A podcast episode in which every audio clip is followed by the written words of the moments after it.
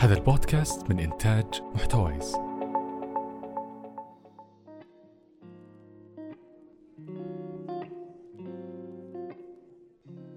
أهلا وحياكم الله في الحلقة الخامسة والأخيرة من الموسم الثالث لبودكاست بصراحة. في الحلقات الأربعة الماضية تكلمنا عن كيف تختار شريكك المؤسس وكيف تصمم منتجك الأولي وطريقة الحصول على أول عشر عملاء بالإضافة إلى الحصول على استثمار أولي لمشروعك الناشئ. وفي هذه الحلقة كان ضروري جدا نجاوب على سؤال كيف أوظف في شركتي الناشئة؟ في أي مشروع على أرض الواقع دائما نحتاج إلى عاملين أساسيات. عامل وجود رأس المال البشري وعامل وجود رأس المال. ونعتبر بأن الطرفين هما العصد هما الجسد والروح لأي مشروع ناشئ. لذلك كان من المهم جدا نجاوب على هذا السؤال في هذه الحلقة. راح نحاول نجاوب على أسئلة مهمة متعلقة بقياس القدرات والمهارات المتعلقة بالموظف طريقة قياس هذه المهارات والأدوات آه، طرق الوصول والإعلان عن الوظائف وإيش الشيء اللي أنت تقدر أنك تقدمه كمؤسس لهذا الموظف. وفي الحلقة راح نتكلم على منظور التوظيف في الشركات الناشئة واللي يختلف كثيرا عن تجربة عن التوظيف في الشركات الكبيرة أو الشركات التقليدية. استضفنا في هذه الحلقة عبد القادر المكينزي المؤسس ورئيس التنفيذي لشركة تلقاني وهي شركة متخصصة في تقديم خدمات استئجار السيارات مباشرة من خلال التطبيق وتوصيل السيارة المستأجرة لباب بيتك. سألنا عبد القادر إيش هي الصفات والمهارات الأساسية اللي كنت تبحث عنها في الموظف في شركتك الناشئة؟ لكل مرحلة بال startup بالشركة الناشئة تحتاج مهارات معينة. طبعا مهارات ال co-founders أو ال founder أو الفريق التأسيسي ايا كان يتطلب آه، صفات معينة. يتطلب واحد يشتغل آه، إذا صح التعبير 24 ساعة، يعني ما يقول لك والله أنا بعد الساعة 4 ما لي دخل. آه، يتطلب الحرص على المنتج أو على ستارت أب هذا. آه، يتطلب المتابعة المستمرة. هذه شغلات أساسية بالفريق التأسيسي. آه، كذلك تختلف الاحتياجات بحسب المرحلة. بالمرحلة الأولى بحسب المرحلة والنقطة الثانية كذلك بحسب الإندستري أو القطاع اللي أنت فيه. مثلا إحنا في مجال تأجير السيارات. أول مرحلة كانت لازم نأمن مقدمين الخدمة اللي هم شركات التأجير. والدخول في شركات التأجير يحتاج لهم علاقات قوية ومعرفة بالضبط منه صاحب القرار كيف يدخل معك لأن أنت بتدخل مفهوم جديد الأونلاين.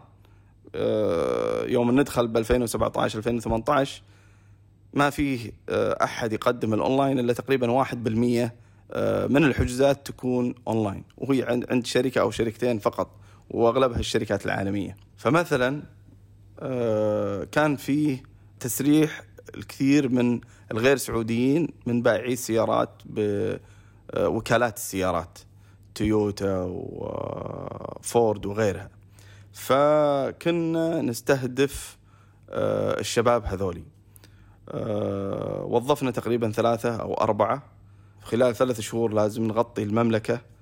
آه، يروحون يزورون كل شركات تأجير يسجلون شركات التأجير الراغبين يعطونهم نبذة عن البرنامج. كنا مخلصين آه، الموقع بشكل أولي.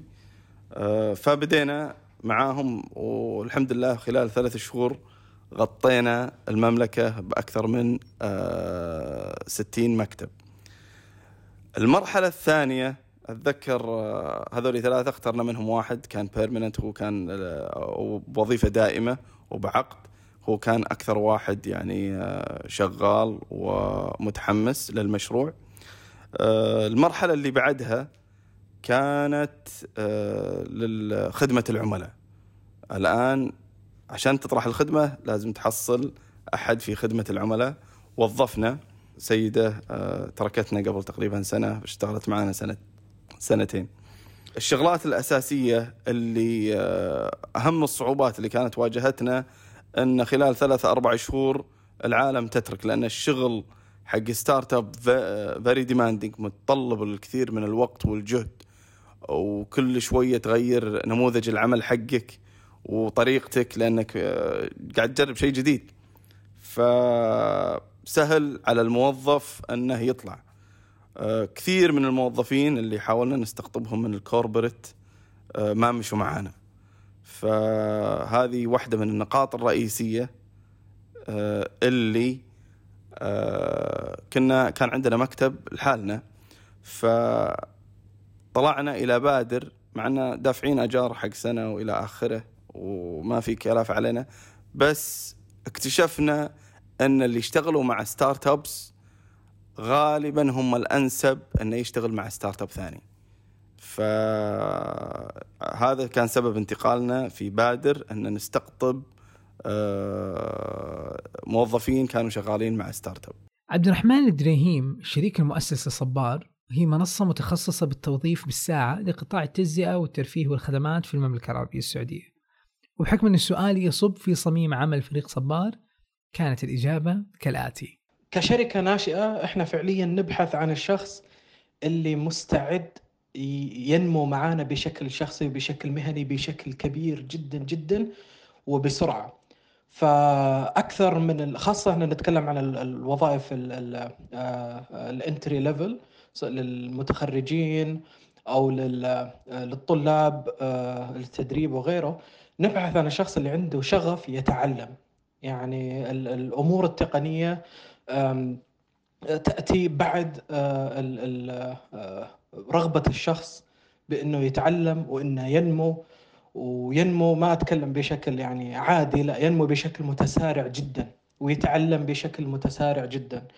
آه، لأن هذه طبيعة وتيرة العمل في الشركات الناشئة شركات تتحرك بسرعة وتتحرك يعني تحت ضغط كبير. للإنجاز وللنمو. فلذلك نبحث بشكل أولى على الشخص اللي يبحث برضه أو أو يبغى لنفسه آه، كمية نمو عالية. وخلال شهور يبي يتعلم ما يمكن أنه يتعلمه خلال سنوات. هذا ال attitude أو هذا الأسلوب الفكري وهذا طريقة التفكير هي الشيء الأساسي اللي نبحث عنه. في أي متقدم يجي للشركة. بالنسبة لزيد حسمان المؤسس والرئيس التنفيذي لشركة POS Rocket وهي شركة متخصصة في توفير نقاط البيع السحابية لقطاع التجزئة والمطاعم. فكانت الثقة من أهم الصفات اللي يبحثوا عنها. آه، جوابا على السؤال الأول اللي هي الصفات الأساسية اللي نبحث عنها بالموظف. آه، نبحث أول شيء صراحة على يكون في كفاءة عالية وثاني شيء يكون في ثقة بالنفس. وبرضه في إحساس بالرضا آه، عن العمل. ويكون آه، في عنده حسن الاستماع والإصغاء برضه يعني الزملاء وللإدارة. وكمان يكون في عنده قدرة على تنظيم الوقت آه، والعمل. وكمان الشغلة اللي نطلع عليها إنه يكون في عنده قدرة على تحمل مشاكل العمل. لأنه عادة بالشركات الناشئة يكون في دائما ضغط. بده يكون في عنده قدرة عالية يعني صبر وسعة الصدر إنه يتحمل آه، آه، مشاكل العمل. من أكثر التحديات صعوبة على المؤسسين أو على الشركاء المؤسسين لأي مشروع ناشئ متعلقة في موضوع التوظيف هو صغر فريق العمل. فريق العمل الآن أصلا صغير.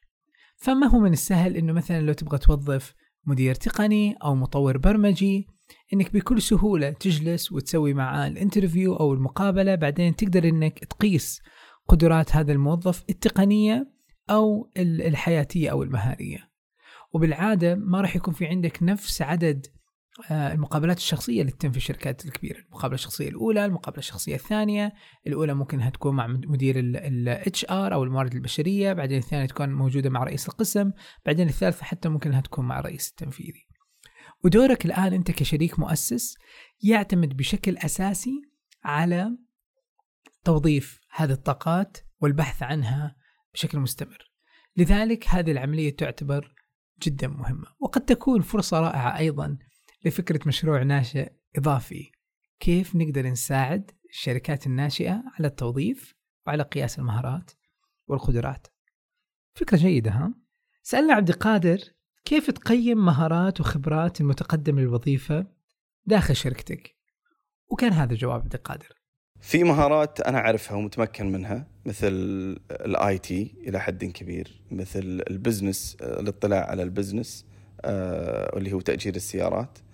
وفيه آه، التسويق إلى حد كبير عندي الاساسيات في مهارات آه، دائما ما أقابل الحالي يعني أنا اللي يهمني ثلاث نقاط أتأكد منها.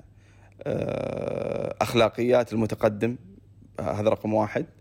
رقم اثنين آه، خبرته في المجال اللي إحنا بنجيبه. رقم ثلاثة الحماس. هذه أهم شغلات.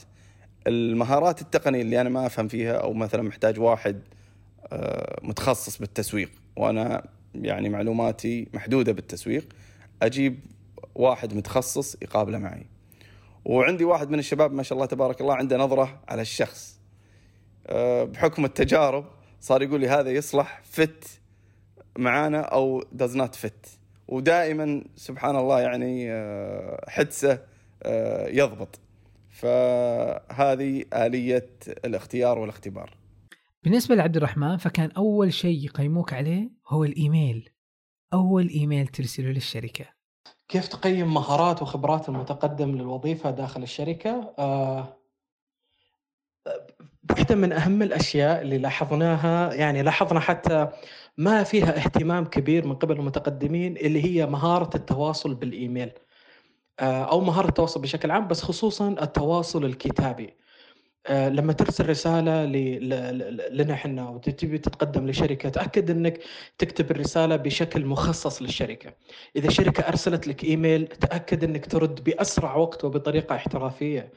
وإذا آه، لا سمح الله يعني صار في الشركات في الغالب أو مسؤولين التوظيف يكونون ينشغلون ويعني يعني يكون يعني عندهم أشغال أخرى وقد ينسون وتسقط سهوا إنه يرد عليك أو يتابع معك فيكون آه، آه، دورك كمتقدم إنك إنك يكون عندك مهارة المتابعة، فأنت لما ترسل حاجة تأكد إنه تم استلامها، تأكد إنه تم فهمها وتأكد إيش هي الخطوات، فنبحث عن الشخص المهاره المبادرة أنا أسميها وخبرة في التواصل المكتوب. إنه تكون سواء لغة إنجليزية أو عربي، كيف تكتب إيميلات بشكل آه، احترافي و وكيف يكون عندك متابعة للأمور. آه، أيضا من الخبرات اللي نبحث عنها طبعا هنا حاول كشركة ناشئة يهمنا إنه الشخص يكون عنده خبرة عن طبيعة الشركات الناشئة. فنقيم الشخص اللي اللي يقدم علينا كمتقدم. يعني أحد العوامل الأساسية في تقييم إنه وش تعرف عن العمل في التك ستارت أب أو في شركة ناشئة تقنية؟ آه،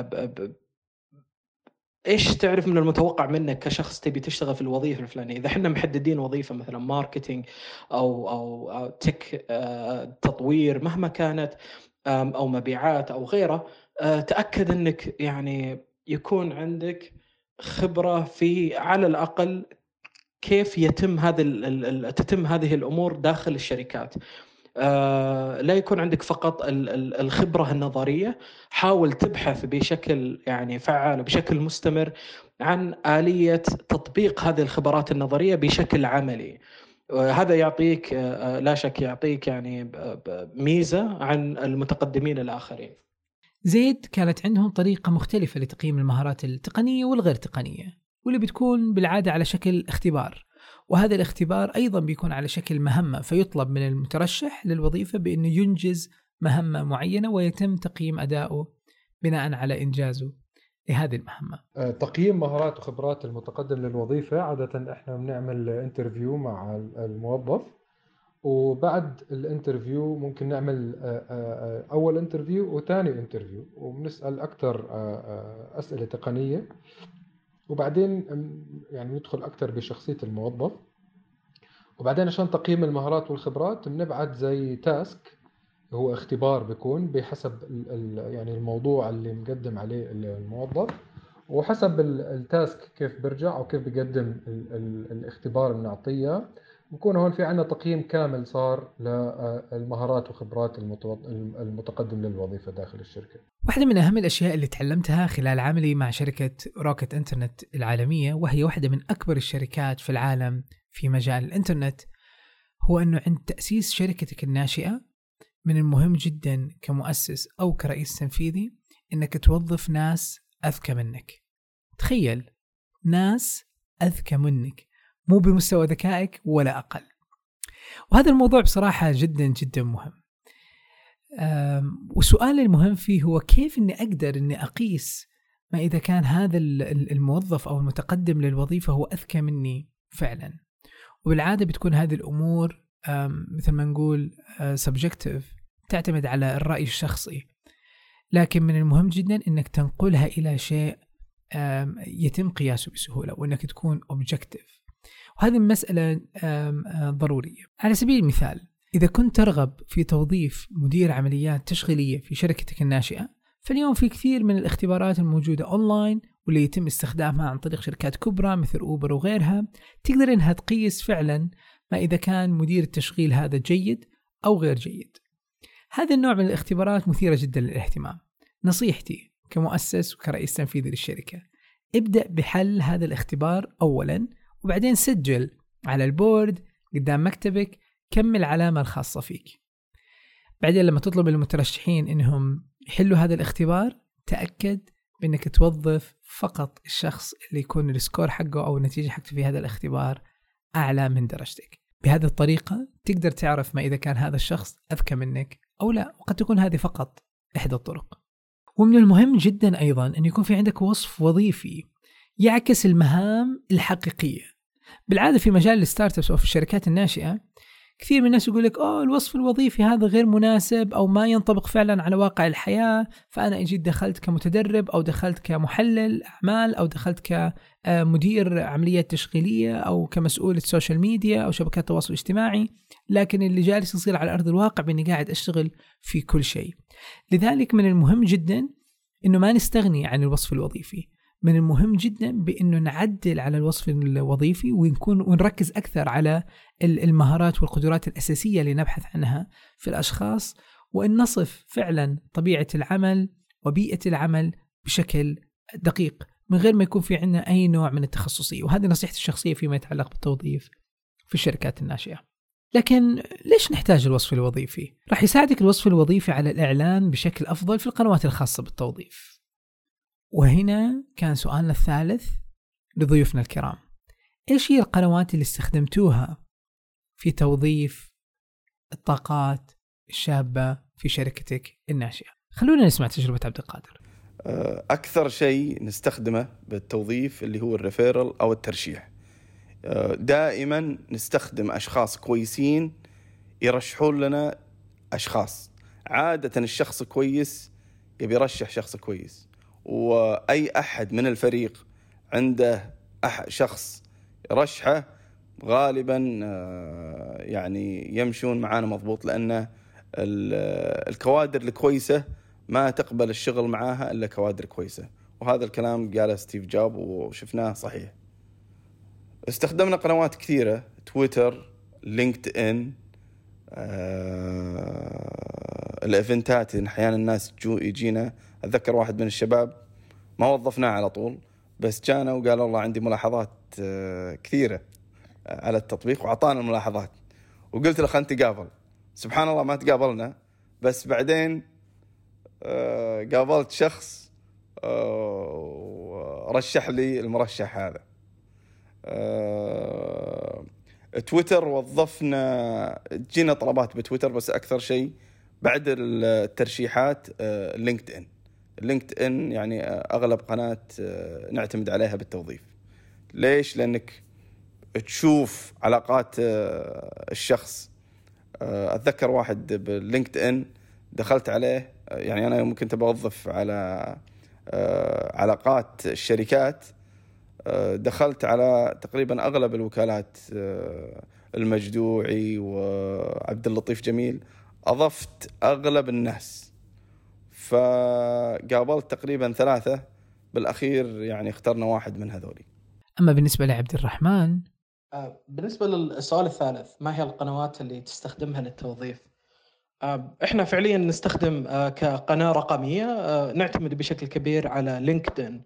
فتأكد إنك إذا أنت شخص مقبل على وظيفة في الصيف أو مقبل على على internship أو أو تدريب برنامج تدريب أو مقبل على وظيفة أول وظيفة لك ضروري جدا يكون عندك ملف في LinkedIn يكون فيه كل المعلومات محطوطة فيه ويكون التقديم من خلال آه، LinkedIn. فهي قناة صراحة جدا مهمة لنا لاستقطاب المتقدمين.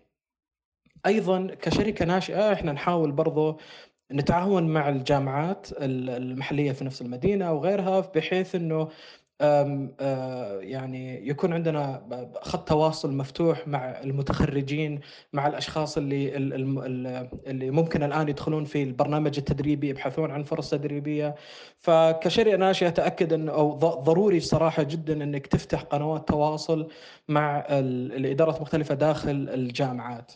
زيد من POSRocket استخدم الموظفين الحاليين لاستقطاب الموظفين المستقبليين.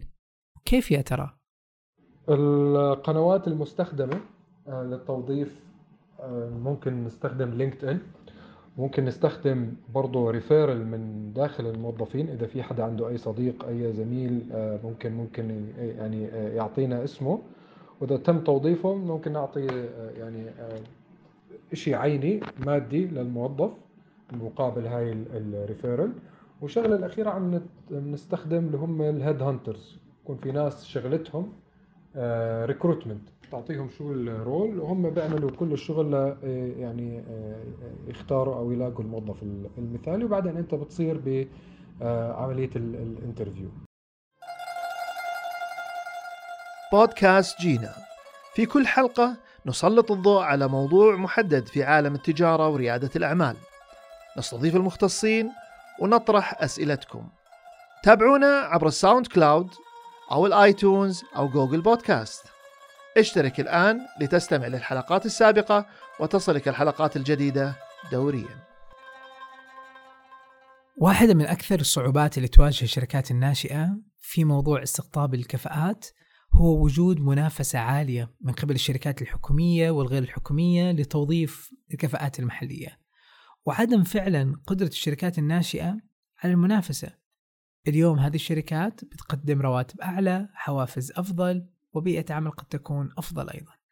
لذلك مهم نسأل عبد الرحمن من صبار كيف تجذب الطاقات والمواهب للعمل في شركتك الناشئة؟ وإيش الشيء اللي أنت تعرضه عليهم حتى أنهم ينضموا إلى الفريق؟ أعتقد هذا سؤال جدا جدا مهم. خاصة للشركات الناشئة اللي تبحث وتستقطب. المتقدمين ومهارات عندها ضروري جدا إنه الشخص اللي جاك الآن المتقدم اللي وصل عندك إنك تتأكد قبل ما تبدأ أي إجراءات وقبل ما تبدأ أي خلينا نقول challenge test أو غيره إنه يكون تفهم بالضبط إيش ال motive أو إيش المحفز اللي يبحث عنه هذا الشخص المتقدم. المتقدم لما يجي ضروري جدا إنه الأهداف حقه المتقدم الأهداف الشخصية الأهداف الوظيفية أهدافه ك career إنها تكون يعني موجودة عندك وتقدر تقدمها للمتقدم. فإحنا دائما أي متقدم يتقدم على شركتنا ضروري نسأله أول شيء إنه يعني إيش تبحث عن هذه الفرصة؟ كيف ممكن بعد ستة شهور أو بعد سنة تقول إني الفرصة العمل هذه كانت ناجحة بالنسبة لي شخصيا، إيش تطلعاتك؟ لأنه إذا إذا قدرنا نفهم تطلعات المتقدم وأنت عندك في الوظيفة بتقدر توفي هذه التطلعات، توفي هذه الأهداف، هنا أعتقد آه، آه، يعني يكون في توافق من ناحية فكرية ومن ناحية مهنية، فبالتالي آه، تقدر تعطي للمتقدم ممكن حاجات ما هو أي شركة أخرى تقدر تعطيه إياها.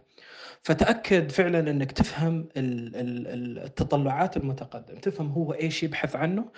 وعشان فعلا تجيب الطاقات وتجيب الموهبة تشتغل عندك ضروري إنه آه، أنت لك مهمة ولك واجب إنك تقدم لهذا الموهبة اللي يبحث عنه مهما كان آه، اللي يبحث عنه. فهذه أحد الأشياء الأساسيات اللي إحنا نتبعها في, في التوظيف عندنا إنه أي أحد يجي يبي يتقدم ضروري نفهم إيش التطلعات إيش الأهداف. وإيش آه، آه، خلينا نقول نسميها إحنا معيار نجاح التجربة. يعني لما تنتهي بعد سنة كيف بتقول تجربتي كانت ناجحة؟ كيف بتقيس التجربة هذه؟ وإني أنا أتأكد إني أوفر لك هذه. قبل أي شيء قبل ال ال ال الراتب قبل المزايا قبل اللوكيشن قبل طبيعة العمل قبل المهمات الوظيفية أهم شيء أنت إيش تبغى؟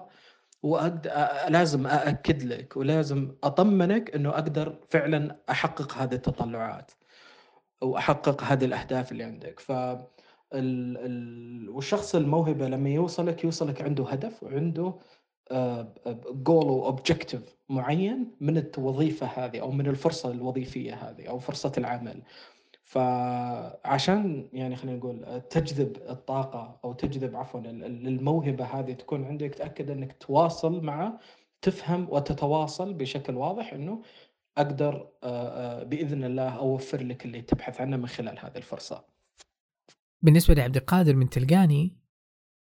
الفريق التأسيسي عادة ما يحصل يعني ما يهمه فقط الراتب والوظيفة. آه، في ناس أصلا آه، ما هم حقين startup يعني المفترض انه أو بالمقابلة على طول الشخص اللي يبغى آه، يخاف من المخاطرة يخاف يجرب يبغى job description واضح ومسؤوليات واضحة و KPI يعني واضحة هذا عادة على طول المفترض يعني هذا حق corporate ما يصلح startup انت تتعامل مع متغيرات ليل نهار خاصة بالمراحل الأولى. فتحتاج واحد مرن تحتاج واحد آه، يعني يتحمل قدر من المسؤولية. آه، لذلك آه، لهم صفات معينة. الصفات المعينة هذه تحتاج تقدم لهم شغلات إضافية. يعني إحنا إحنا نطرح إيسوب اللي هو أسهم في الشركة خاصة على الموظفين اللي كملوا معانا أكثر من سنة. ونطمح بالمستقبل إن شاء الله أن نقدم الخيار هذا لكل موظفين الشركة. آه، الخيار الثاني آه، تعطيه مسؤوليات كثيرة. في ناس ما شاء الله تبارك الله كذا إذا أعطيته مسؤولية يزيد العمل عنده ويزيد الإنتاجية. يعني نعطيهم نعطيهم مشاريع كبيرة يعني في أشخاص ندري إنهم ندري إنهم مؤهلين ويقدرون يديرون المشاريع هذه آه، بطريقة يعني آه، ممتازة. ولكن ما جتهم المسؤوليات هذه. فحنا نعطيهم المسؤولية هذه ونساعدهم. نعطيه كل ال tools اللي يحتاجها والأدوات إنه ينجح المشروع آه، هذا. ونساعده عن طريق الإرشاد وال mentoring إلى آخره. فهذه الشغلتين جاذبة إلى إلى ال startup. النقطة الثالثة يعني بيئة العمل ومكان العمل. إحنا يعني بعض الموظفين آه، أكثر الموظفين نتطلب منه الحضور يومين في الأسبوع فقط. باقي الأيام يقدر يداوم من بيته. آه، فعندنا ساعات مرنة من هالجانب هذا. آه، الجانب الأخير إذا توفرت السيولة موقع المكان. آه، يعني إذا كان عندك مثلا مكان بواجهة الرياض غير لما يصير عندك مكان بوسط الرياض بوسط الزحمة إلى آخره. فالمكان لقيناه إنه يلعب دور كبير بجذب الكفاءات. زيد كان تركيزه أكثر على بناء منتج قادر على حل مشكلة حقيقية تستقطب وتجذب أشخاص يبحثوا عن العمل على حلول لمثل هذه المشاكل. طريقة الجذب للطاقات والمواهب للعمل في في شركتنا الناشئة آه، عادة إحنا يعني المنتج اللي بنشتغل عليه لازم يكون عم بيحل مشكلة. فهم لما يكون حاسين إنه جزء من حل المشكلة هذا فعلا بيجذب الطاقات والمواهب اللي بدها تشتغل لسبب. يعني يكون في سبب واضح ليش عم بيشتغل وشو المشكلة اللي عم بيحلها. الشغلة الثانية إحنا دائما يعني بنحاول نورجي على آه، منصات التواصل الاجتماعي. اللي هم بنورجي بيئة العمل الموجودة وقديش إحنا اليوم آه، نشتغل كعائلة فالجو العام جدا مريح. فهذا الإشي بيعكس وبيشجع الناس إنها يعني تشتغل في شركات ناشئة إنه هو مش عمل تقليدي. وبعدين الشغلة ال- الأهم كذلك إنه في اكتساب للخبرات. يعني هو بالآخر الموظف في شركة ناشئة إنه راح يضطر يلبس أكثر من طاقية. فلما يلبس أكثر من طاقية بكون هو يعني اشتغل في أكثر من شغلة وبكون جرب وصار عنده خبرات بمواضيع عدة. فهذا يعني بيؤدي إنه هو أصلا يكون في عنده انترست إنه يشتغل في في شركات ال- الناشئة.